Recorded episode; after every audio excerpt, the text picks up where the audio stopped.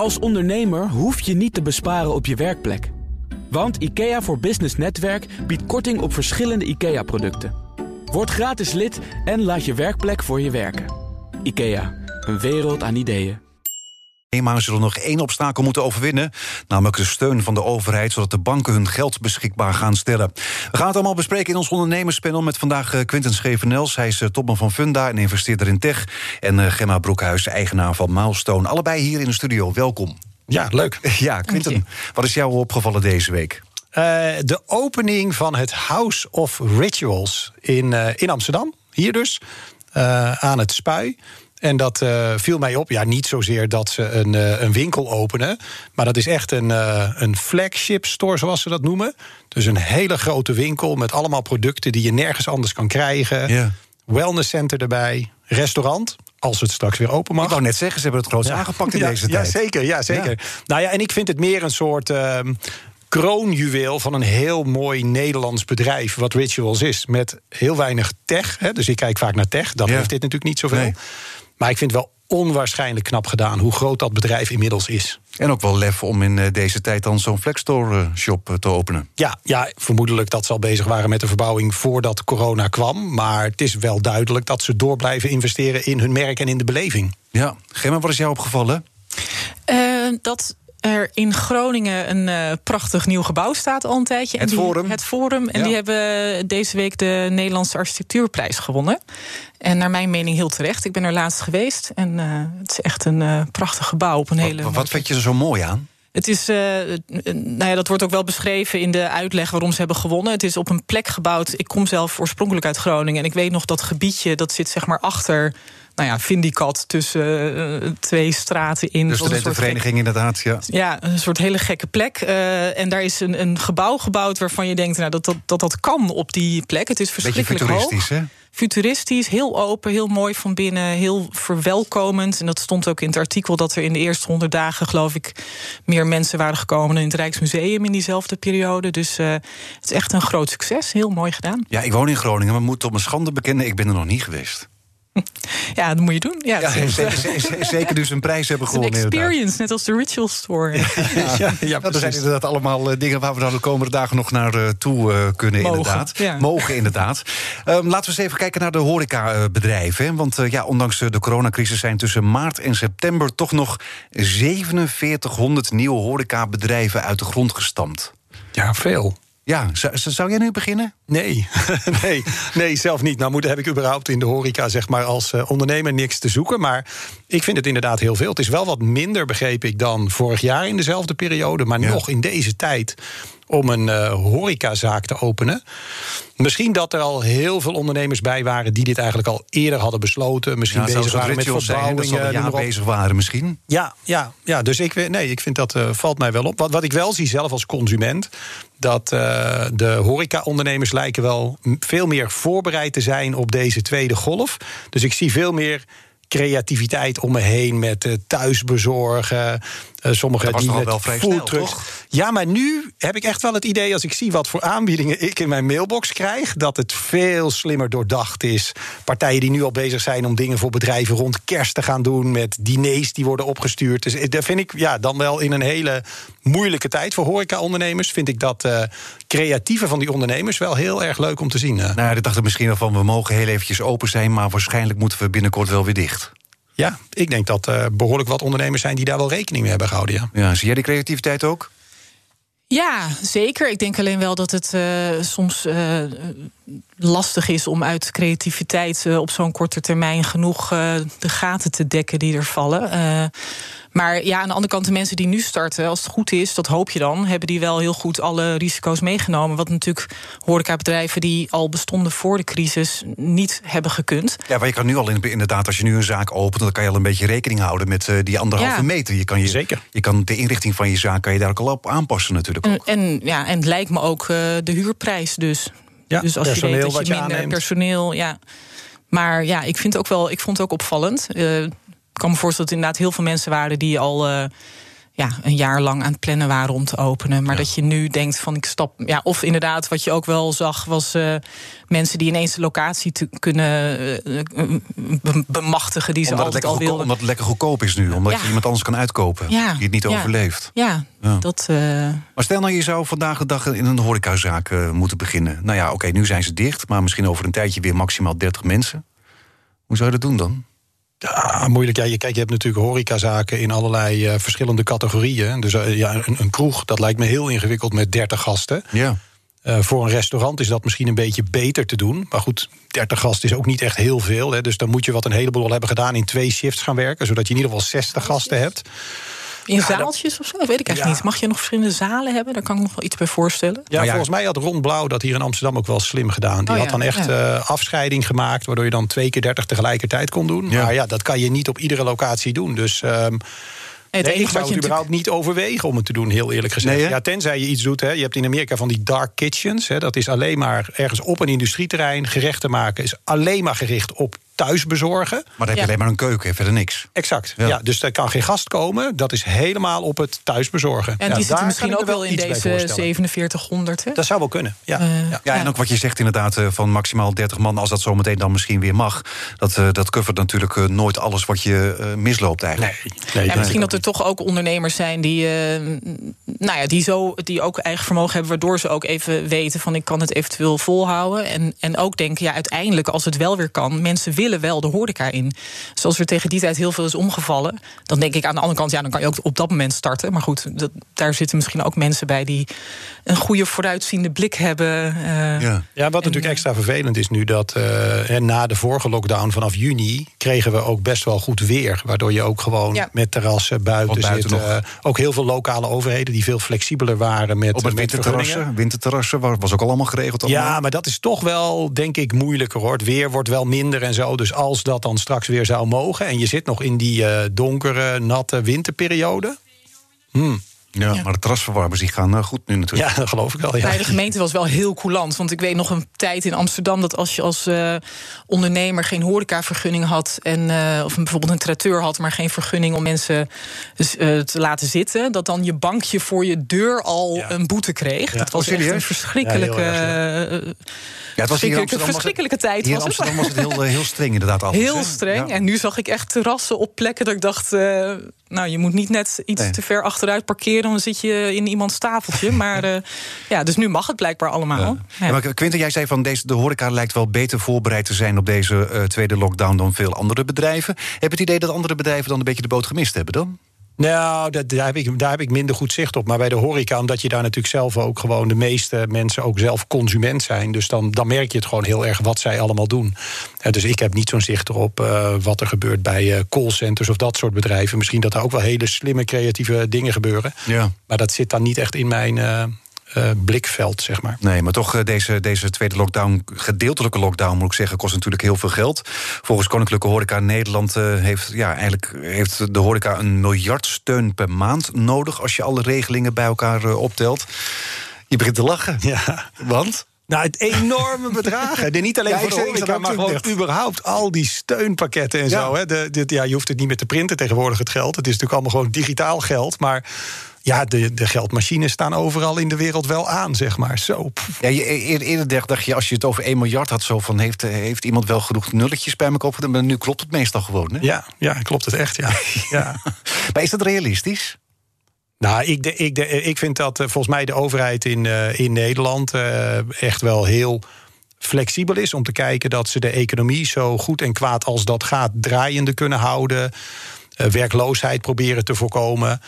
Uh, ja, daar zit wel een einde aan. Ik denk niet dat dat oneindig door kan gaan. Dus uh, nou ja, hoe lang gaat dit dan duren? Komt er straks nog een derde golf? Ja. Dat gaat wel een probleem worden. Je kan niet met tientallen miljarden blijven smijten. Dat, dat wordt denk ik echt een serieus probleem. Want zo, uh, ja, we hebben van alles gespaard, zegt Rutte ook. Dat kunnen we hiervoor gebruiken. Maar ook daar zit een einde aan. En ook daar betaal je natuurlijk wel een prijs voor. Ja, want uiteindelijk uh, ja, is het geld inderdaad uh, ook op. Maar een miljard steun zet Koninklijke Horeca Nederland hoog in? Uh, pff, ja, ik, uh, ik heb de rekensom niet gezien, maar het is in ieder geval niet heel realistisch dat je het ook gaat krijgen. Dus ik weet niet of, je, of het een kwestie is van uh, ja, heel hoog inzetten en zoveel mogelijk binnenkrijgen. Maar ja, Ja. Dat lijkt mij een lastig verhaal. Maar, maar goed, je zegt inderdaad ook van zometeen... er zit wel een einde aan die steun, want ja, dat geld dat kan maar niet uitgegeven blijven worden. Maar hoe moet het dan? Nou ja, ik heb ergens ook gelezen dat het aantal faillissementen in het derde kwartaal van dit jaar lager was dan in de afgelopen twintig jaar. Ja, maar dat komt ook inderdaad omdat er, door die steun. Ja, veel bedrijven worden door de steun ja. overeind gehouden. Ja, dus dat, dat is dan wel een beetje mijn angst. En de, ik denk dat horecabedrijven daar zeg maar uh, heel veel last van kunnen gaan krijgen, maar ook nog wel veel andere bedrijven. Dat, dat als er steun moment, stopt. Ja, dat zijn een soort uh, zijwieltjes aan de fiets en die moeten er op een gegeven moment weer af. Ja, en dan ga je denk ik nog wel een uh, flinke klap in de economie krijgen, denk ik. Ja, maar wanneer gaan die zijwieltjes eraf? Dat is de grote vraag natuurlijk ook. Ja, ik, ja dat is natuurlijk de onvoorspelbaarheid van hè, die tweede golf. Hoe erg wordt dat? Hebben we die onder controle? Komt er dan een derde? Dus ik denk ook het scenario denken vanuit de overheid is onvoorstelbaar moeilijk nu. Dus ik denk dat ze iedere keer proberen tijd te kopen in de hoop dat de tij keert. Ja. Dat zometeen dat er een oplossing is voor de hele coronacrisis. Want aan het begin zag je inderdaad, de overheid was heel snel ook uh, met, met, met, deze regelingen. De Nederlandse de banken waren ook uh, heel bereidwillig. Hè? Meteen uh, aflossingen en zo konden stilgezet worden. Maar de banken hebben nu ook al gezegd voor deze tweede golf... nou, we gaan wel ietsje moeilijker doen al. Ja, nou ja, omdat ik ook denk dat banken dat op een gegeven moment zelf ook gewoon niet meer kunnen betalen. Hè? Er zit ook een grens aan de flexibiliteit van die banken. Want dat geld wat jij geleend hebt, komt van iemand anders. Daar staat wel een verplichting tegenover. Ja, er wordt dus, inderdaad heel, heel vaak gesproken alsof het alleen maar keuzes zijn. Maar je moet natuurlijk ook op een gegeven moment binnen de mogelijkheden uh, kijken van wat kan er überhaupt. Dan kan de wil is er natuurlijk bij iedereen om uh, met z'n allen hier goed doorheen te komen. Uh, ik denk ook dat bijvoorbeeld voor horeca... Uh, ja, er wordt natuurlijk veel naar steun vanuit de overheid gekeken... maar dat het ook op een gegeven moment heel erg gaat om die huurprijzen... en om dat, dat soort partijen, dat is waarschijnlijk al heel erg aan de hand. Maar dat daar dan op een gegeven moment ook steeds meer druk op komt... van ja, wat gaat zo'n huur, zo'n vastgoedeigenaar doen met zo'n locatie... als er geen horeca meer inkomt. Nou, nu zijn er net allemaal nieuwe horecabedrijven bij. Ja, dus, nee, dat klopt, dat scheelt dat inderdaad. Ja, ja, maar goed, daar zal de huur wel iets anders zijn dan wat het uh, de afgelopen jaren was. Wat uh, ook voor winkels bijvoorbeeld ook lang, volgens mij heel vaak niet meer klopte met wat zo'n winkel eigenlijk omzette op die locatie. Dat waren volgens mij huurprijzen vaak die nog gebaseerd waren op een wereld van voor. Uh, voordat we bol en weet ik veel wat hadden dus daarvoor, daarvoor zou dit misschien ook wel een reset kunnen zijn? Nou, dat denk ik wel. Ik denk dat je per vierkante meter... Uh, dat, dat, dat zo'n locatie gewoon minder waard is geworden. Ja. Nu helemaal, maar daarvoor eigenlijk ook al wel. Maar denk je dat het zometeen uh, na uh, dit weer... na de coronacrisis weer flink zou gaan stijgen?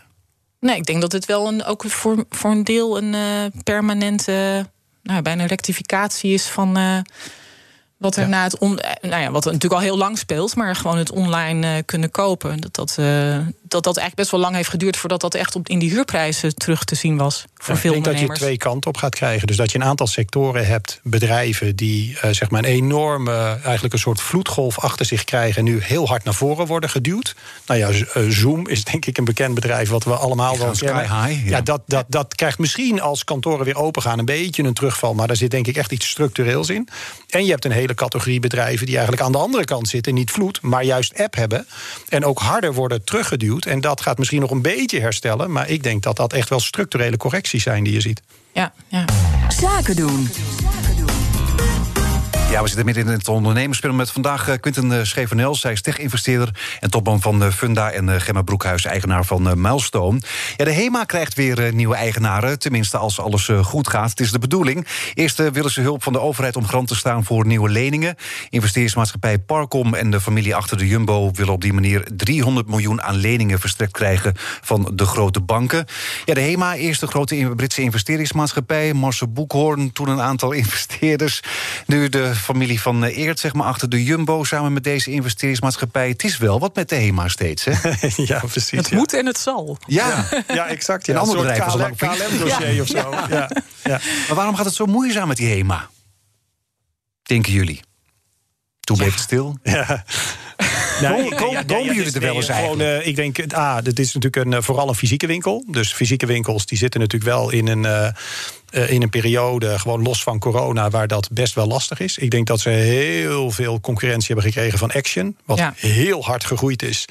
Uh, toch wel een beetje in een segment waar HEMA ja, net wel of net niet zou zitten. Ja, en ik denk dat ze ook uh, slecht behandeld zijn door vorige aandeelhouders. Ja, met gewoon ja. heel veel schuld. Toch een beetje onduidelijke strategie met internationalisatie naar landen waarvan je denkt wat heeft HEMA dan eigenlijk uh, daar te zoeken? Ja, ze dus, zaten ook in Mexico, Verenigde Arabische Emiraten. Ja. Dat is toch een leuk exportproduct, HEMA? Ja, de rookworsten. Ja, rompje, rompertjes en rookworsten en zo. maar, maar kopen jullie wel eens in de HEMA dan, of niet? Ja, zeker. Ja. ik, ik, ik snap ergens wel de, de ja, de liefde voor HEMA is zo groot hè, bij Nederlanders. Het is bijna, ik heb me wel eens afgevraagd, wat, hoezo dan? Want ik heb ook wel eens eh, wat minder. Ik heb een beetje een haat-liefde verhouding met HEMA. Want ze waren een van de eerste die uh, mijn product ook maakten, laat ik het zo zeggen.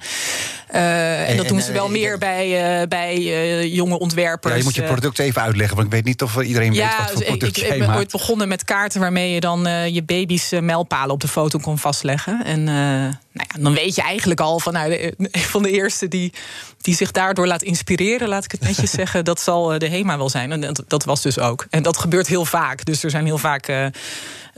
dus op dat, in dat opzicht was je wel blij met de HEMA eigenlijk? Dat ze jouw product ook verkocht. Nee, ze nee, kopieerden het. Ze kochten het niet Oh, ze kopieerden oh, oh, excuus. Oh, oh, ze kopieerden het. Oh, oh. Maar ja, tegelijkertijd... Uh, en dan merk je ook een beetje hoe, hoe mensen, de, hoe Nederlanders daar naar kijken. Want ik zag toen zelfs op mijn eigen social kanalen... zag ik commentaren van mensen die zeiden... oh, de HEMA heeft het nu ook en die zijn veel goedkoper. Joepie, weet je wel. Dus dat is... Oh, ja, ja, ja. Nou ja, de, het heeft... Ja, dus Nederlanders Van jou zijn... het opgedoekt mogen worden. Nou, nee, nee, dat gaat te ver. Want ik kom er ook heel graag. Maar uh, ja, de, ik, heb, ik vind wel... Ik vind in ieder geval, laat ik het zo zeggen. Ik vind het heel opvallend hoeveel goodwill en liefde de HEMA heeft bij de gemiddelde Nederlander. En daar, daarom snap ik ook echt wel de. Nou ja, dat, dat er veel aan uh, wordt gedaan om het uh, te redden. Maar ja, VND uh, maar, is uiteindelijk ook failliet gegaan. Ja, hè? precies. Ja. Dus ik denk ook wel, ja, volgens mij is het nu hangt het dan van de banken af. En ik ja, ik kan me wel voorstellen van die nieuwe partijen dat je ook op een gegeven moment moet kunnen weglopen als het echt niet meer kan. Ja, dat is ook een beetje nos nostalgisch, denk ik. Ja. Bij, bij hem. En de vraag is of het dan financieel gezien, ja. of dat überhaupt uit kan of niet. Dus dat, uh, dat vind ik wel moeilijk. Ik denk wel dat uh, de familie van Eert, uh, dat lijkt mij wel een hele goede eigenaar van het bedrijf. Waarom? Omdat ze met Jumbo natuurlijk aantonen hè, dat ze echt lange adem gewoon de hele slimme strategie. Vaker overnames hebben gedaan. Goede integraties doen. Ze hebben natuurlijk Laplace ook gekocht uit mm -hmm. de boedel van VD. Yeah. Uh, wat, wat ik daar dan van heb begrepen, ook behoorlijk goed draait. Ja, ook nu natuurlijk corona, maar he, even de manier hoe ze dat hebben geïntegreerd.